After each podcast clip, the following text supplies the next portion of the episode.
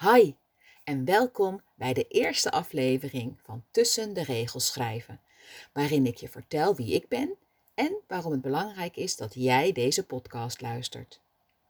Ik ben Esther Berens, schrijfbegeleider en coach voor mensen die weer contact willen maken met hun creativiteit en intuïtie, om zo op hun eigen wijze invulling aan hun leven te geven. Laatst bladerde ik door de dagboeken die ik als tiener bijhield. Daarin beschreef ik bijna van minuut tot minuut wat ik zoal gedaan had. En toen gebeurde er iets geks. In gedachten verplaatste ik mezelf weer helemaal in dat meisje dat ik toen was. Maakte ik echt weer mee wat zij deed en wist ik ook gelijk weer wat er allemaal niet in mijn dagboek terechtgekomen was.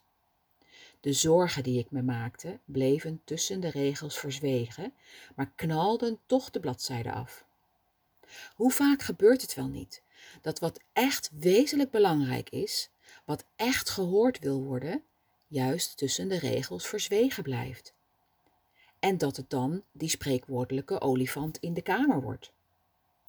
Ik besefte dat we dit doen als we ons niet veilig voelen als we niemand hebben die we in vertrouwen kunnen nemen. Dan gaan we overdreven veel aandacht besteden aan andere dingen. En in mijn geval dus minutieus vastleggen wat ik deed, zodat ik geen aandacht, aandacht hoefde besteden aan wat ik echt dacht, aan waar ik bang voor was.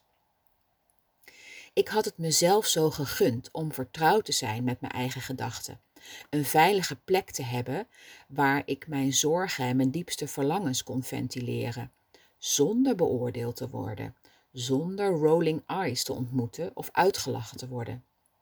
Met deze podcast wil ik je kennis laten maken met die plek waar je helemaal mag zijn zoals je bent.